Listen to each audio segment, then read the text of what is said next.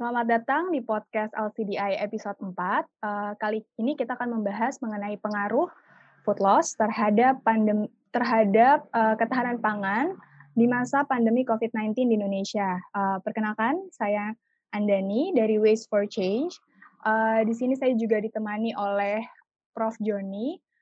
Beliau adalah peneliti senior dari Balai Besar Penelitian dan Pengembangan Pasca Panen Pertanian Kementerian Pertanian Indonesia. Halo Prof. Joni, apa kabar Prof? Baik, ya Mbak Dani, saya ketemu kita ya. Iya, ketemu lagi Prof. Eh, hadirin sekalian yang menyimak ini, ya salam kenal. Saya Joni Munarso dari Balai Besar Litbang Pasapanen Pertanian di Bogor. Oke. Silakan kita Mbak Andani. Ya, kita terakhir ketemu di acara Studio Studio Food, Food Loss and Waste uh, ya. in Indonesia ya, Prof. Ya waktu itu agenda kick off meeting ya, Prof. Ya. Betul, ya. Iya. Uh, saya jadi agak grogi nih soalnya jadi nggak apa harus uh, diskusi dengan Prof Joni nih. Oh ya, sama saja. Saya juga grogi kok. Kalau okay. nggak bisa nanti saya bilang nggak bisa aja ya. Oh siap siap siap Prof. Uh, kan uh, kita lagi tema LCDI kali ini kan membahas mengenai food loss dan ketahanan pangan ya Prof ya, ya terutama di masa COVID-19. Uh, mungkin sedikit di sini saya mau uh, memberikan uh, definisi kali ya uh, mengenai food loss itu sendiri karena kan mungkin ada banyak orang yang masih bingung antara food loss dan food waste seperti itu. Uh, jadi kalau menurut uh, FAO di tahun 2019, uh, food loss ini memiliki pengertian sebagai penurunan kuantitas dan kualitas makanan yang dihasilkan makanan dari keputusan dan tindakan pemasok makanan dalam rantai makanan.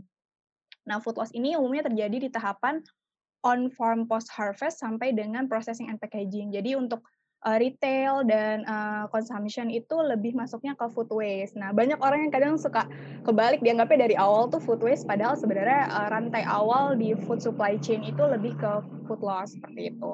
Nah, khususnya di uh, South and Southeast Asia, ternyata food loss-nya ini tuh sangat tinggi uh, dibanding mungkin negara maju ya, Prof. Kalau negara maju kan cenderung justru food waste-nya lebih banyak. Nah, menurut Prof sendiri nih, uh, sebenarnya kondisi food loss di Indonesia ini sudah uh, seperti apa sih, Prof? Dan sebenarnya penyebabnya itu apa? Seperti itu.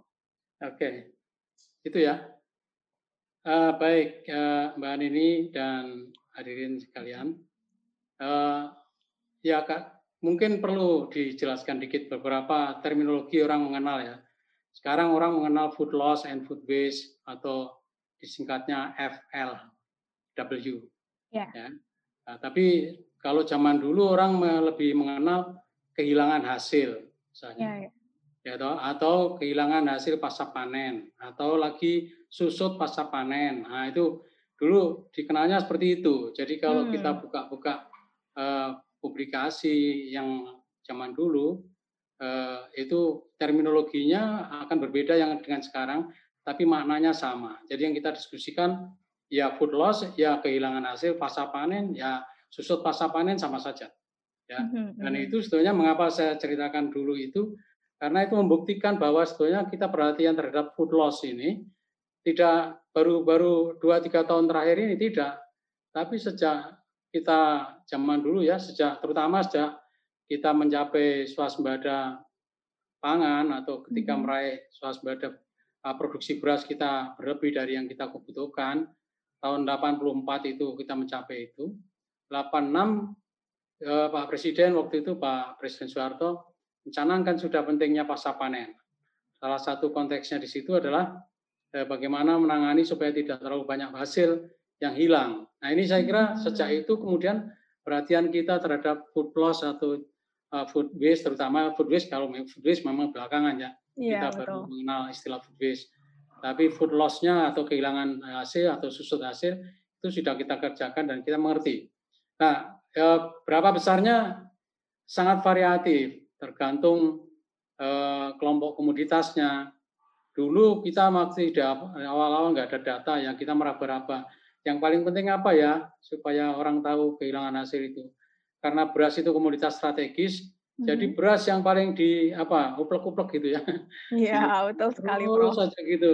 beras itu. Yang lainnya sebetulnya loss-nya juga banyak. Iya. Komunitas-komunitas uh, hortikultura itu sebetulnya iya. paling paling ringkih ya. Iya betul betul. Loss-nya paling tinggi sebetulnya. Jadi kalau kita angka kita lihat angka-angka itu sampai sekarang pun uh, dibandingkan komunitas lain beras memang sudah lebih baik. Betul. Tapi ya masih tinggi mm-hmm. antara 10-12 persen kehilangan masa panennya itu.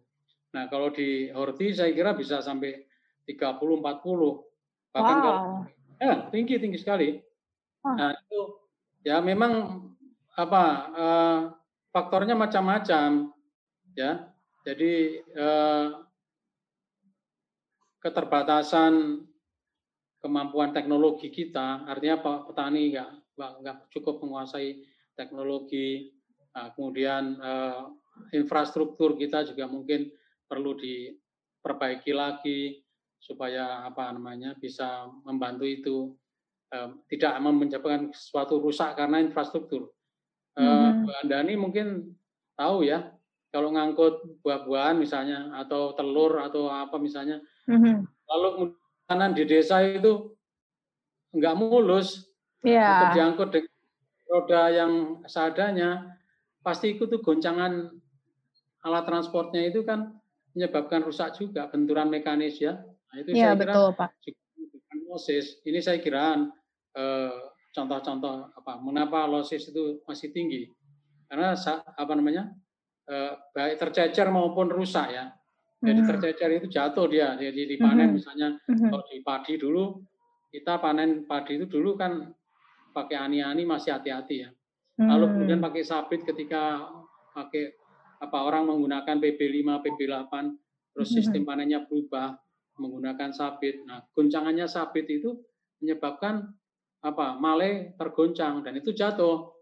Memang enggak sebagian apa? Sebagian kita mungkin bertanya, mana itu ada sekian persen yang hilang itu, hmm. 20 persen yang hilang. Mana kalau 20 persen itu hilang, kalau hasil satu hektar itu lima ton, seperempat dari eh, lima ton itu kan satu setengah atau ya yeah. satu empat ton hmm. ada di lapangan mestinya.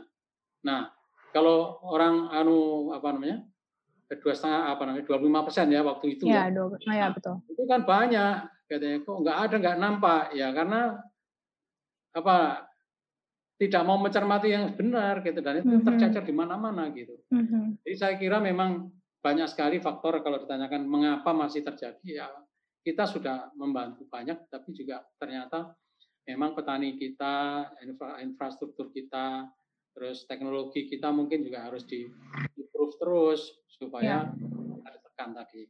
Itu kira-kira sementara. Oke. Okay. Uh, menarik sih yang tadi Prof bilang, uh, kan saya kebetulan di uh, apa namanya proyek studi food loss and waste ini hmm. saya uh, me, apa bertanggung jawab atas uh, analisis, uh, collecting data dan analisis untuk food loss ya. Okay. Uh, banyak petani uh, petani yang kadang tuh merasa bahwa uh, yang tercecer atau yang hilang itu bukan merupakan sebuah kehilangan begitu. Jadi oh, iya Ya, mereka tuh menganggap itu hal yang biasa karena mereka menggunakan alat-alat dari zaman 60-70-an, kemudian mereka uh, juga menggunakan metode atau misalkan kalau untuk padi jemurnya di depan rumah seperti itu kan ya, Prof. Yeah, yeah. Itu sebenarnya kalau misalkan uh, dari Kementerian Pertanian atau dari Balitbang sendiri uh, apakah sudah ada kayak uh, banyak penyuluhan atau pelatihan terkait hal itu juga kah atau bagaimana, Prof? Ya. Nah, kan Uh-uh. Oke, okay. saya ini pelatih dulu. Oh, oke. Okay. Termasuk pas ya, pelatih. pas nanyanya. Ya. jadi, jadi waktu itu memang kita, saya masih muda ya kayak Mbak Andini. Uh-huh. Jadi ya memang jadi pelatihnya. Ya bagaimana menyuluh kita bersama-sama rekan penyuluh. Jadi saya kan peneliti ya. Hmm. Nah peneliti melakukan penelitian, tapi dalam dalam kita memastikan bahwa penelitian ini benar, itu kan kita juga melakukan tuh, apa kegiatan lapangan ya. Jadi hmm. bekerja dengan para penyuluh, kemudian kita bersama Bulog waktu itu juga hmm. Puslitbang logistik yang ada di Tambun waktu itu. Uh, juga sama-sama kita bekerja sama untuk bagaimana cara menekan kehilangan hasil ini uh, supaya bisa apa namanya ya lebih banyak yang kita siapkan untuk pangan kita ini. Hmm. Jadi uh, apa namanya kegiatan penyuluhannya ini yang sekarang memang ya harus dikembangkan terus ya. Jadi memang kita agak menurut saya ya penyuluh kita artinya intensitas penyuluhan maksud saya hmm. itu masih apa agak agak cooling down sekarang ini. Okay. Tapi kita punya cara-cara lain kan. Kalau dulu kan hmm. metodologinya kan tetap muka ya. Iya betul. Akan sekarang sudah 4.0 kan. hmm Jadi penyuluhan 4.0 juga mestinya dihidupkan. Betul. Jadi apa namanya kita tidak perlu tatap lapang, tapi melalui kegiatan online begini ini sekarang seperti kita hmm ini sebenarnya bisa juga. hmm Jadi memang harusnya metode-metode seperti inilah yang harus kita kembangkan uh, untuk bisa menemui para apa namanya milenial farmer ya. Sekarang kan mm-hmm. petaninya juga petani-petani muda harus mulai di, dibuat tertarik juga mm-hmm. karena mengandalkan petani yang sudah uh, oldies ya.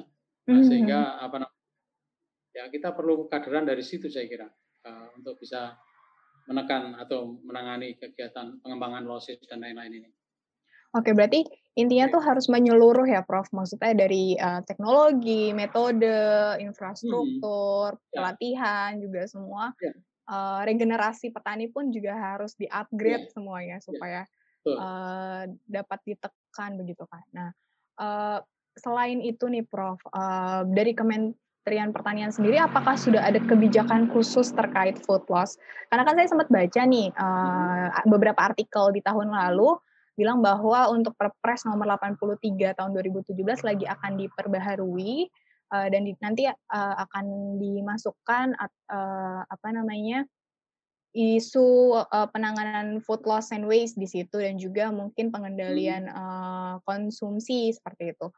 Uh, sejak ya, ya. pengetahuan profesor tuh udah sejauh apa sih uh, untuk perpres itu sendiri atau mungkin kebijakan-kebijakan yang lain yang sejak, sedang dibuat oleh Kementerian Pertanian begitu? Ya, kalau kebijakan eh, apa namanya kehilangan hasil ini kan mm-hmm. ya seperti saya sampaikan tadi itu never ending menurut saya sejauh mm-hmm. ini. Enggak, jadi usaha kita membantu apa bukan membantu kita berusaha untuk bagaimana me, mereduksi losses itu sebetulnya kita sudah lakukan banyak program. Mm-hmm. Jadi bantuan alat itu untuk pengeringan, mm-hmm. untuk panen, untuk uh, apa namanya ya dari panennya ya dari panennya pengeringannya perontokan kemudian penggilingannya misalnya untuk padi kemudian uh, transportasi peng, apa namanya uh, penggudangan bahkan silo segala macam sudah teknologi-teknologi yang hmm. uh, canggih-canggih sudah kita kenalkan juga nah yaitu tadi konsistensinya ya saya kira perlu dan itu lagi-lagi harus disupport oleh yang lain kalau hmm. ada alat rusak sedikit, kemudian petani nggak tahu, bengkelnya nggak ada juga. Hmm, Ini iya, yang saya iya. kira harus di develop bersama ya. Hmm. Jadi begitu ada teknologinya, mestinya lapangan itu sudah siap. Apa, apa, apa bagaimana cara merawat alat itu, teknologi itu, eh, dan itu petani mestinya mau dan mampu menguasai. Kalau dari kami, dari kementerian rasanya sudah memberikan kayak tadi sampaikan pelatihan. Hmm, hmm, kalau melatih teknologi, saya kira teknologi itu diberikan lengkap dengan pelatihannya. Uh-huh. Ya, hanya uh, maintenance atau kemampuan untuk me melestarikan pengetahuan, melestarikan itu.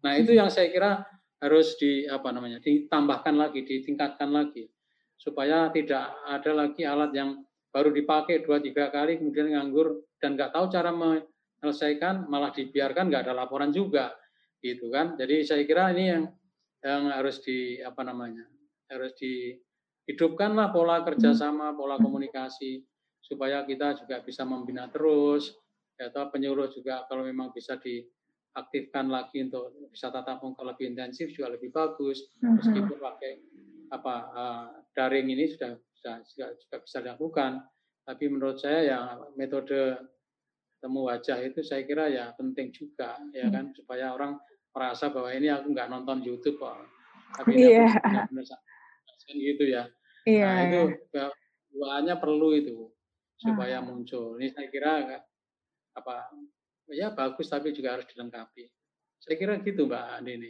Iya, ya. Oke, ada, terima ada kasih. Yang jelas nggak? Kalau ada yang keras? Sudah, sudah jelas sekali.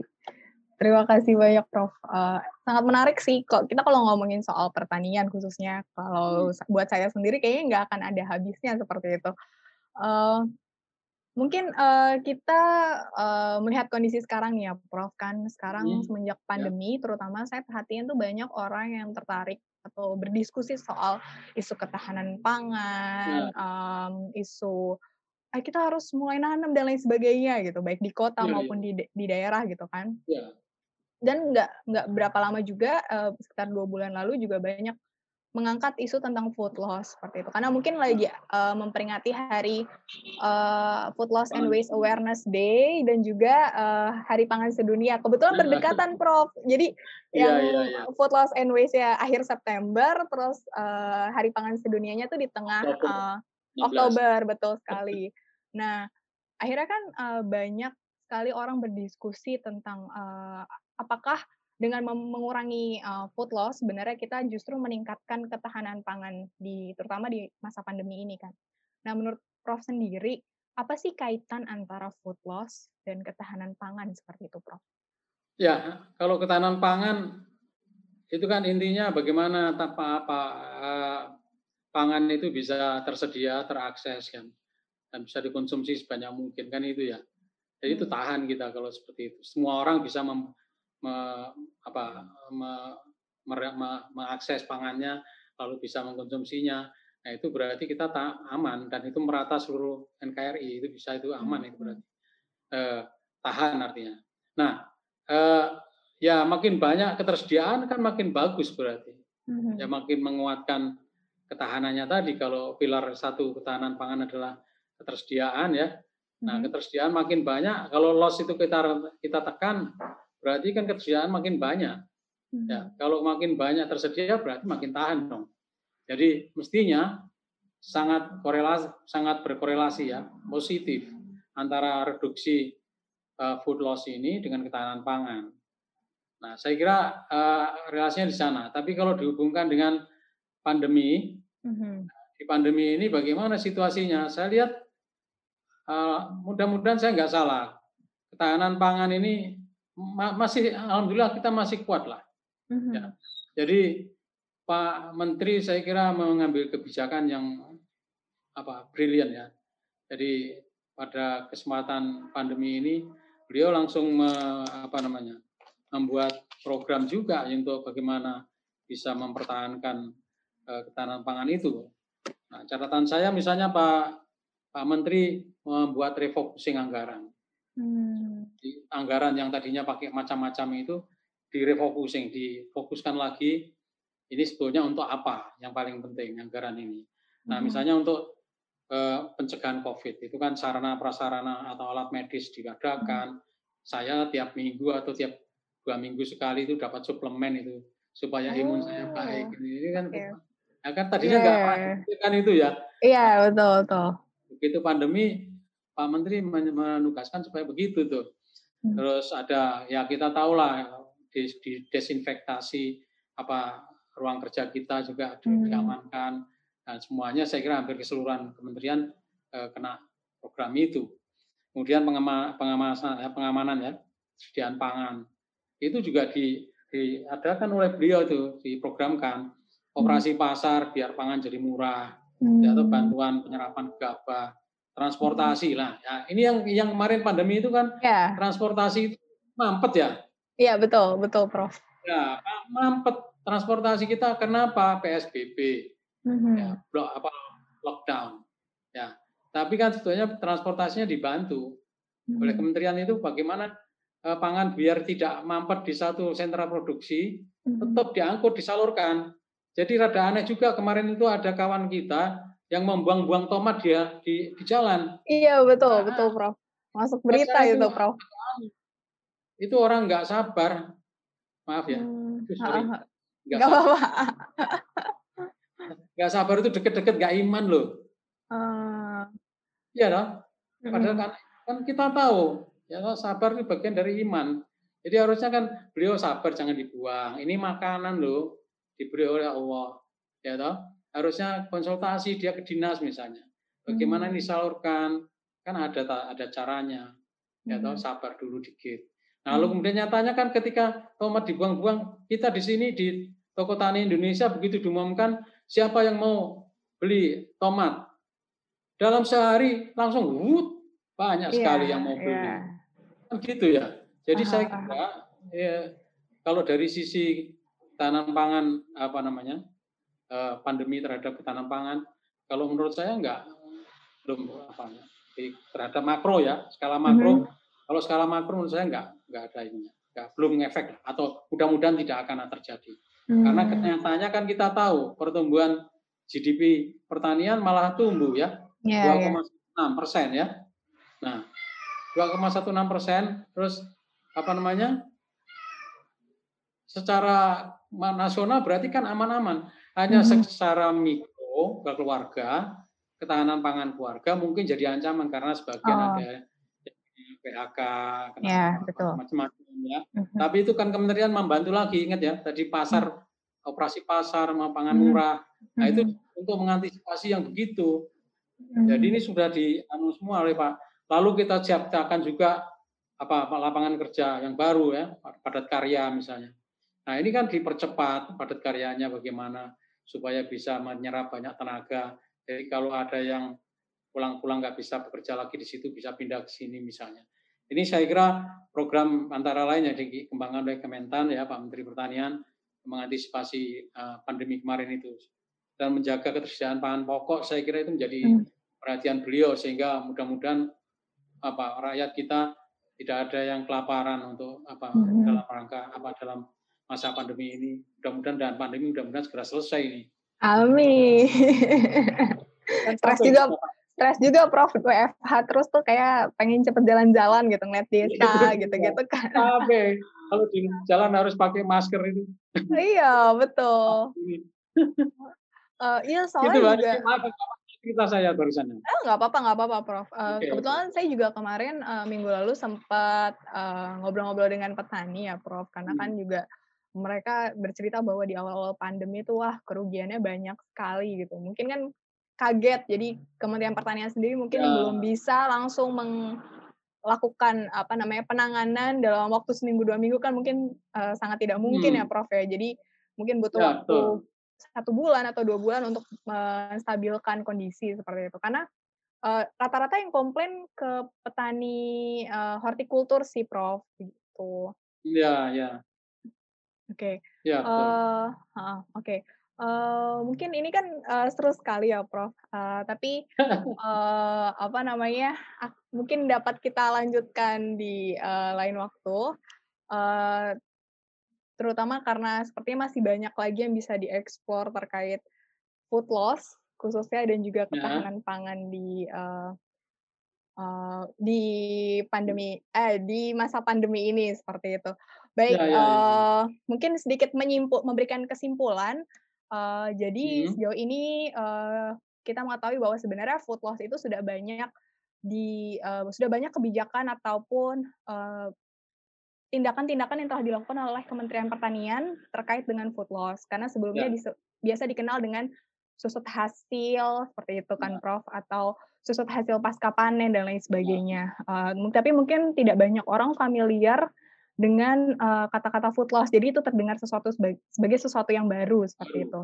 Nah, penyebabnya itu uh, bisa dari teknologi, infrastruktur, uh, metode, serta hmm. tentunya uh, pembinaan atau pengembangan ke, uh, ke petani-petani sendiri dari uh, Kementerian Pertanian.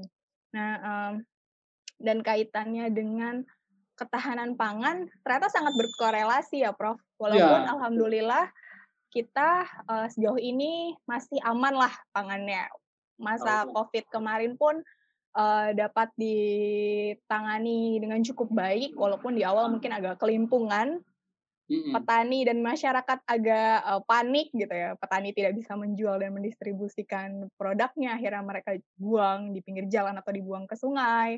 Uh, yang masyarakat bingung kok semuanya serba mahal gitu kan. Ya, ya, ya. Tapi uh, sekarang sudah mulai stabil ya Prof dari ya. harga, ya. supply ya. seperti itu ke ke daerah-daerah juga sudah stabil seperti itu. Uh, baik mungkin uh, untuk podcast kita kali ini uh, kita akhiri dulu.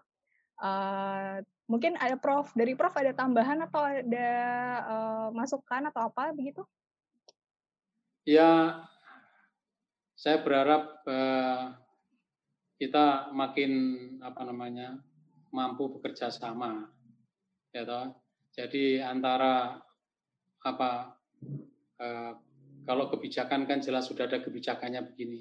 Di hmm. operasionalnya itu saya kira yang harus uh, lebih intens lagi. Bagaimana misalnya penguasaan teknologi itu ditingkatkan dan didampingi, okay. ya jadi jangan dibiarkan. Kalau petani hmm. dibiarkan, ya repot. Nah, artinya apa? Tugas bersama lah kita yeah. mendevelop teknologi, urusan siapa, mm-hmm. nanti yang mm-hmm. menebarkan siapa, yang hmm. mendampingi siapa.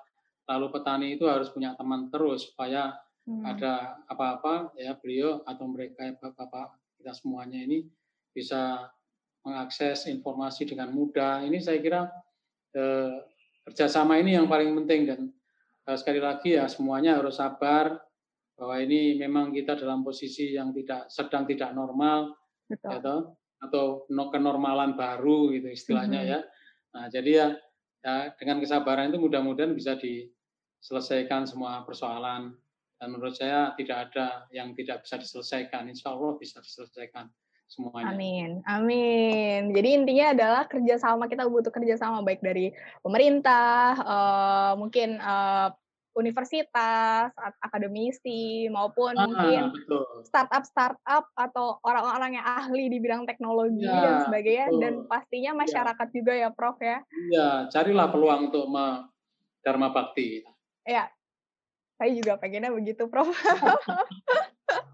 Oke, baik. Terima kasih banyak uh, Prof Joni atas waktunya. Uh, kita akhiri dulu uh, podcast uh, LCDI episode 4 kali ini. Uh, nanti uh, mungkin kita akan bertemu lagi di kesempatan selanjutnya. Terima kasih, Prof.